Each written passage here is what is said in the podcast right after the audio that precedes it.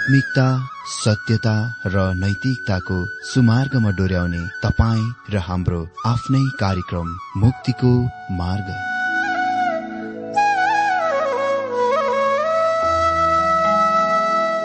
आदरणीय श्रोता यस मुक्तिको मार्ग कार्यक्रममा हार्दिक स्वागत छ। आशा छ यस आत्मिक कार्यक्रमद्वारा जीवनमा आत्मिक आशिष अलौकिक शान्ति र आनन्द प्राप्त गर्नुहुनेछ।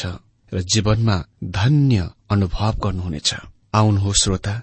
मन र आत्माको तयारीको लागि यो मिठो अनि मधुर भजन गीत सुनौ।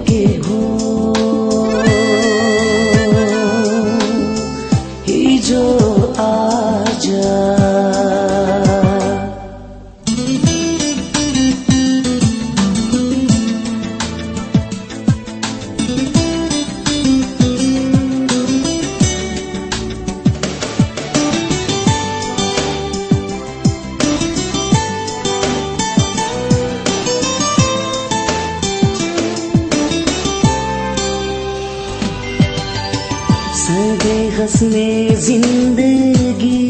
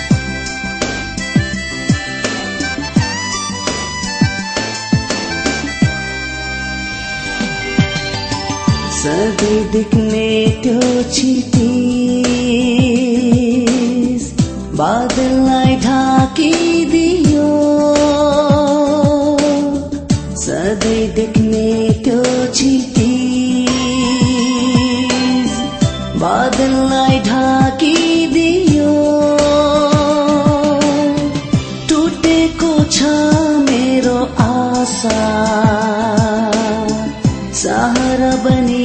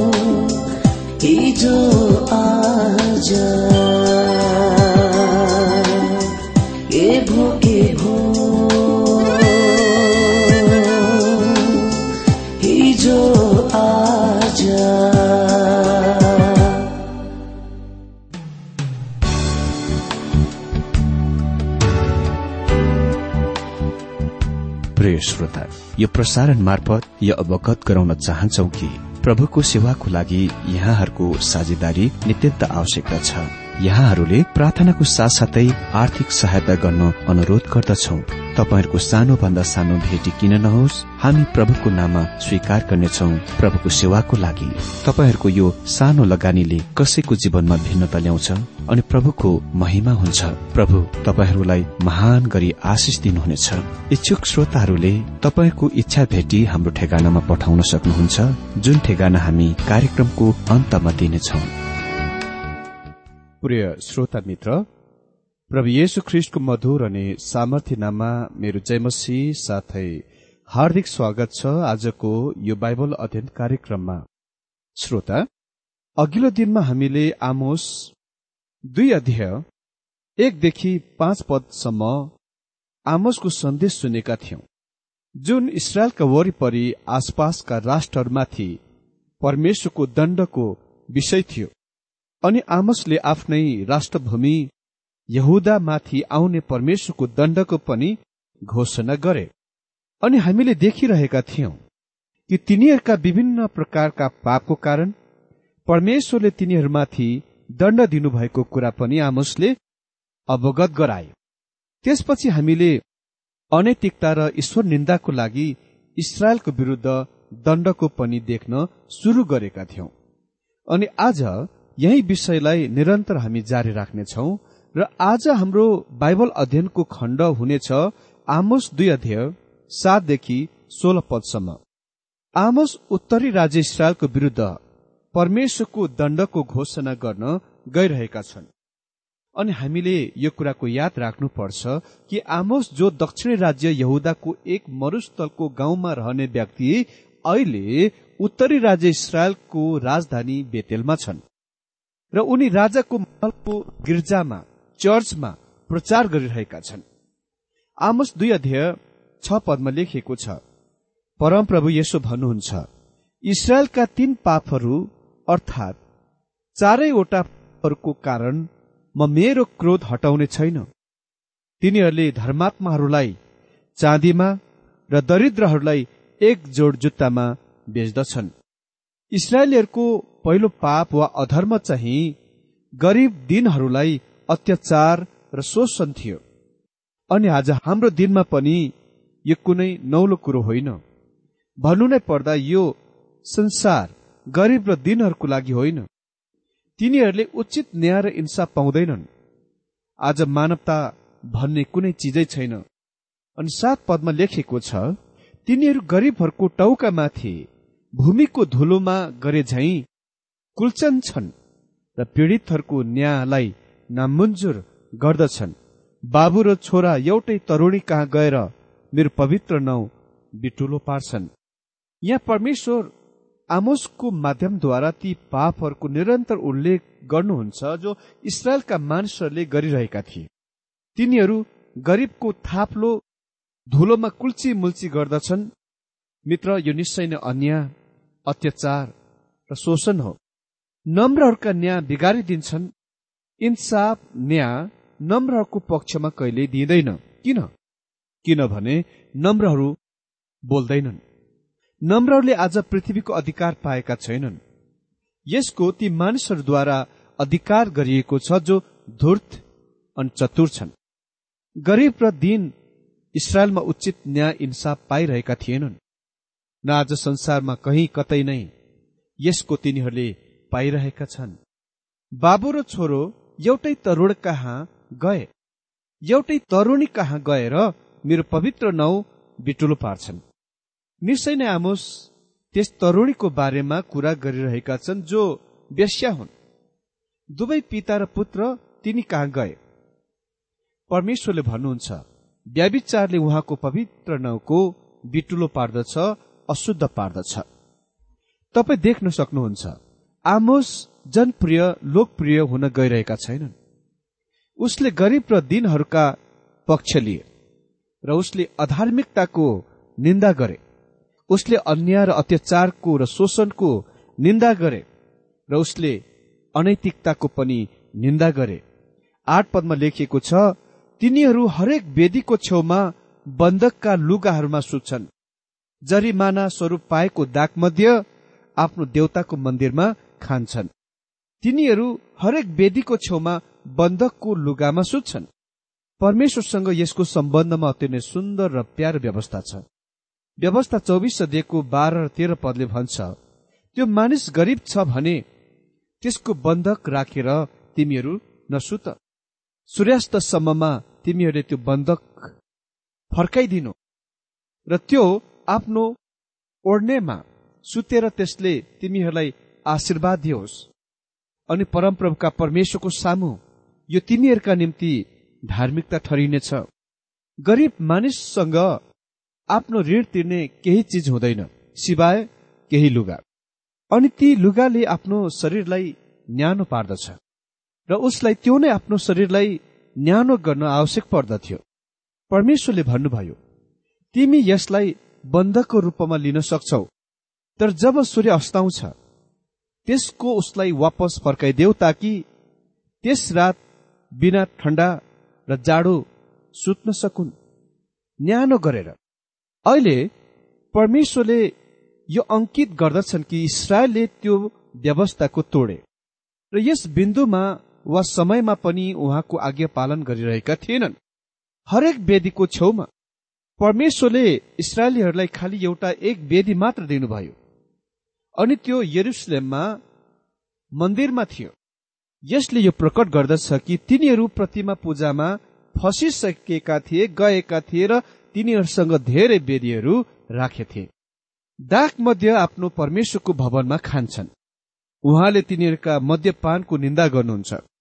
नौ पदमा लेखिएको छ मैले तिमीहरूका सामु बाटो एमोरीलाई सर्वनाश गरिदिए जसको अल्गाई देवदारूको र बल चाहिँ फलाटको रुखको जस्तै थियो।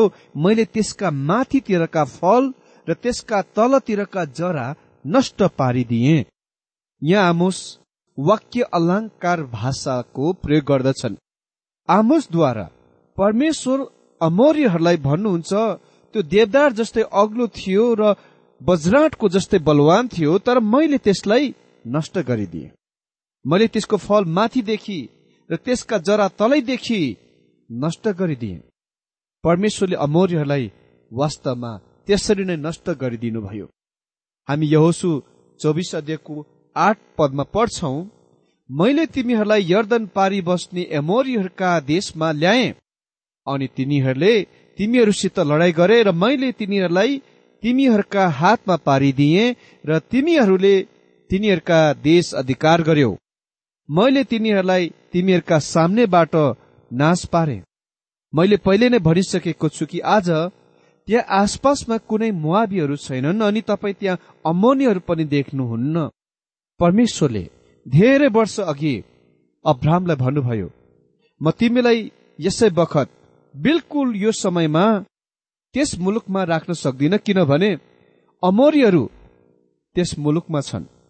र तिनीहरूका अपराध अझसम्म भरिएको छैन। म तिनीहरूलाई म कहाँ आउने र तिनीहरूले गरिरहेका यी घृणित भ्रष्ट अनैतिकताबाट फर्किआउन मौका दिन गइरहेको छु। तपाईँ सायद मलाई यो प्रश्न सोध्नुहोला।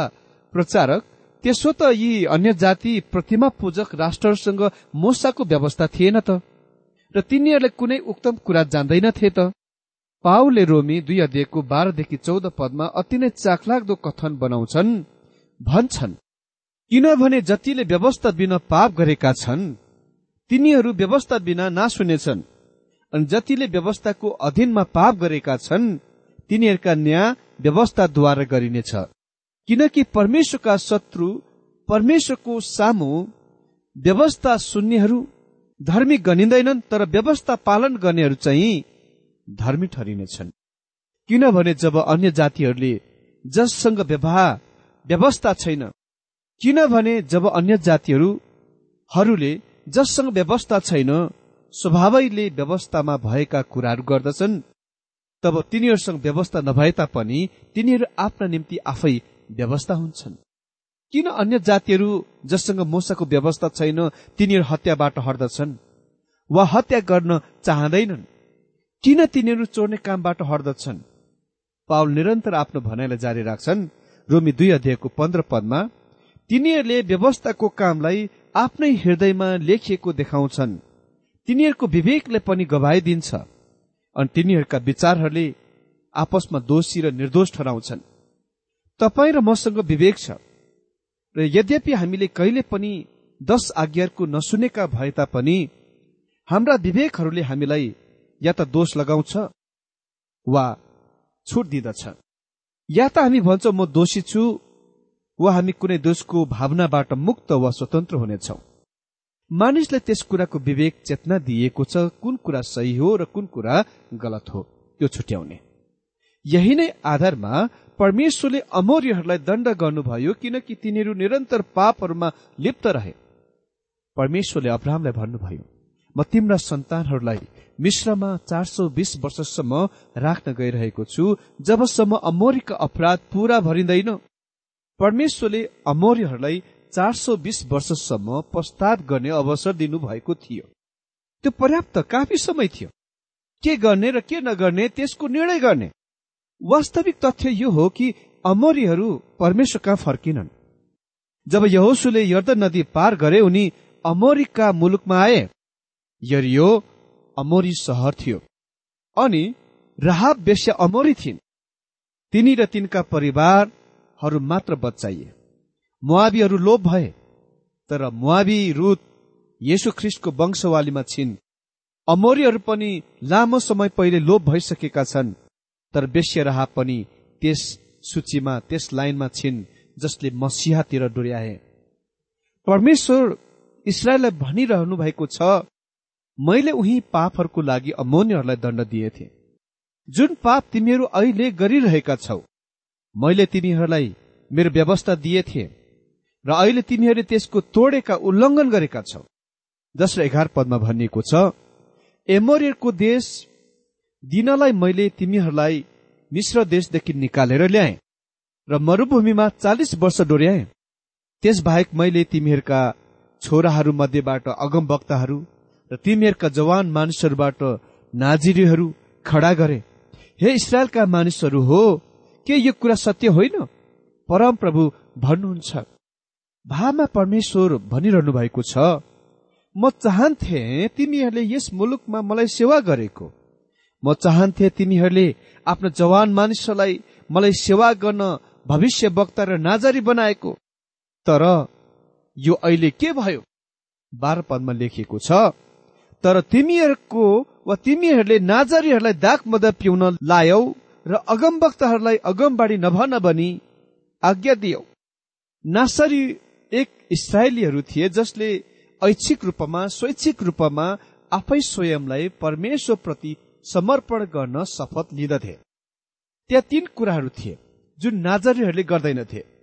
पहिलो उसले आफ्ना पहिलो उसले आफ्ना केस कहिले काट्दैनथे। किन? पावल पहिलो कुरन्ती एघारको चौध पदमा भन्छन् किनभने कुनै पुरुषले लामो केस पाल्नु उसको निम्ति शरमको कुरा हो। आज लामो केस केटाहरूले पालेको हामी धेरै देख्छौ। त्यो एक किसिमको मलाई असामान्य लाग्छ। त्यो शरमको कुरा हो। अ तर म बस यही मात्र भन्दछु नासरीहरूले आफ्ना केसलाई लामो बढ्न दिन्थे किनभने तिनीहरू शरमको बोक्न इच्छुक भइरहेका थिए। दोस्रो कुरा नासरीहरूले नगर्ने कुरा हो त्यो हो मद्यपान।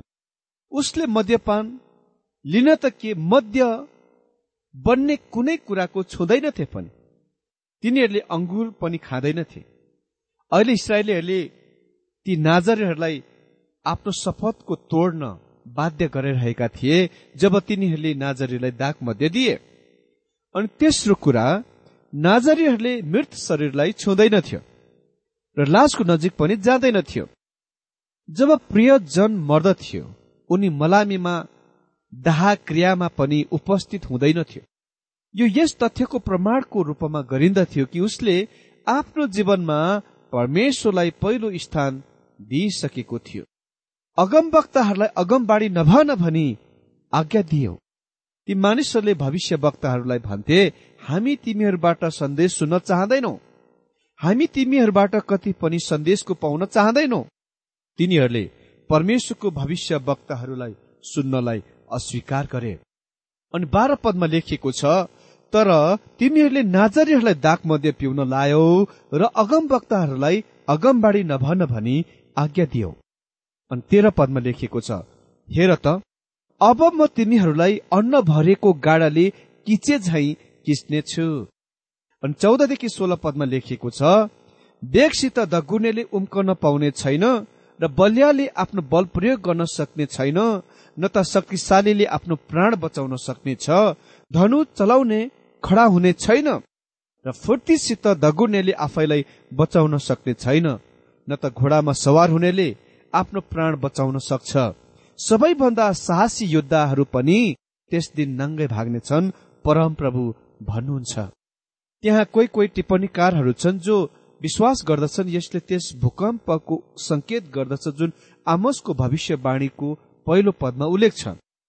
मलाई लाग्दैन कि यहाँ कुनै भूकम्पको संकेत वा अर्थ छ। खास विषय यो हो इसरायल अति नै मजबुत शक्तिशाली राष्ट्र थियो।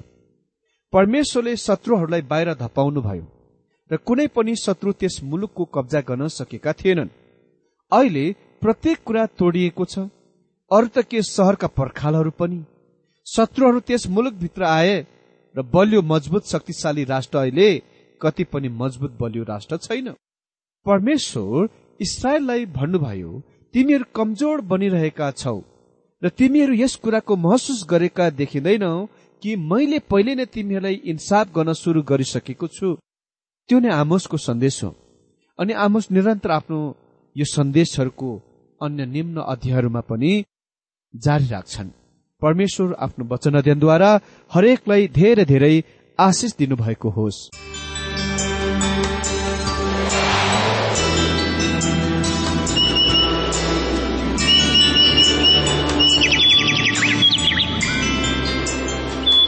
प्रिय श्रोता अहिले भर्खरै तपाईँले टीडब्लुआर नेपालद्वारा सञ्चालित आत्मिक कार्यक्रम मुक्तिको मार्ग सुनिरहनु भएको थियो। श्रोता आजको यो कार्यक्रम सुनेर तपाईँलाई कस्तो लाग्यो? यदि यो कार्यक्रम सुनेर मनमा कुनै खुल्दुली वा कुनै प्रतिक्रिया अर्थात सुझावहरू छन् भने हामीलाई पत्रद्वारा लेख्न सक्नुहुनेछ।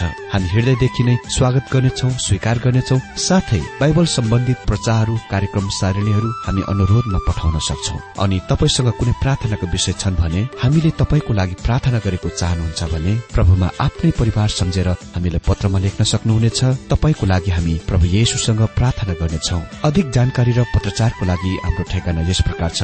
कार्यक्रम मुक्तिको मार्ग जीपीओ नम्बर उनानब्बे पचहत्तर एपिसी पच्चिस एकसठी काठमाडौँ। ठेगाना एकपल्ट सुन्नुहोला। कार्यक्रम मुक्तिको मार्ग जीपीओ नम्बर उनानब्बे पचहत्तर एपिसी पच्चिस एकसठी काठमाडौँ। हाम्रो इमेल एड्रेस हो TWR Nepal at Yahoo dot com साथै यस नम्बरमा एसएमएस गर्न सक्नुहुनेछ अन्ठानब्बे चार सत्तरी पैतिस छ सय उनासी नौ आठ चार सात जिरो तीन पाँच छ सात नौ। हुन्छ श्रोता आजलाई हामी विदा चाहन्छौ। अर्को कार्यक्रममा हामी पुनः भेट्नेछौ तबसम्मलाई नमस्कार।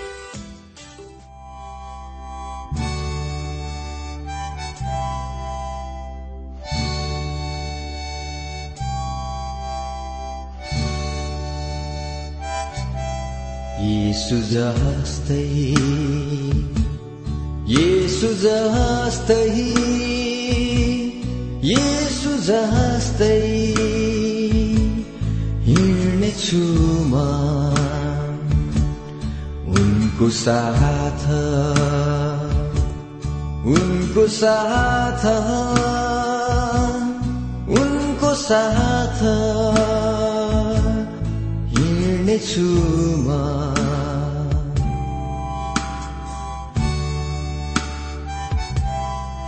दुःखमा पानी सुखमा पानी उनलाई सधैँ म पछ्याउने छु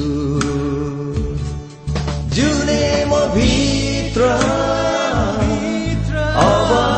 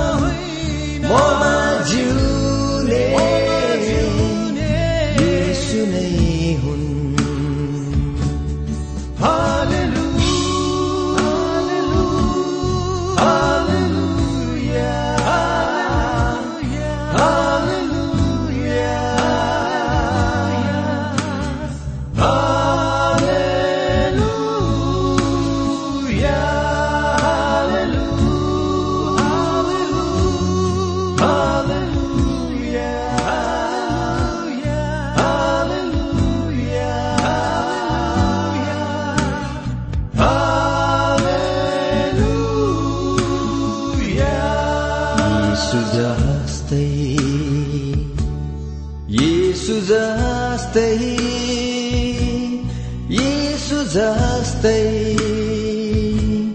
हिँड्नेछु म आराधना गर्छु प्रशंसा गर्छु उच्च स्वरले प्रभु तपाईँको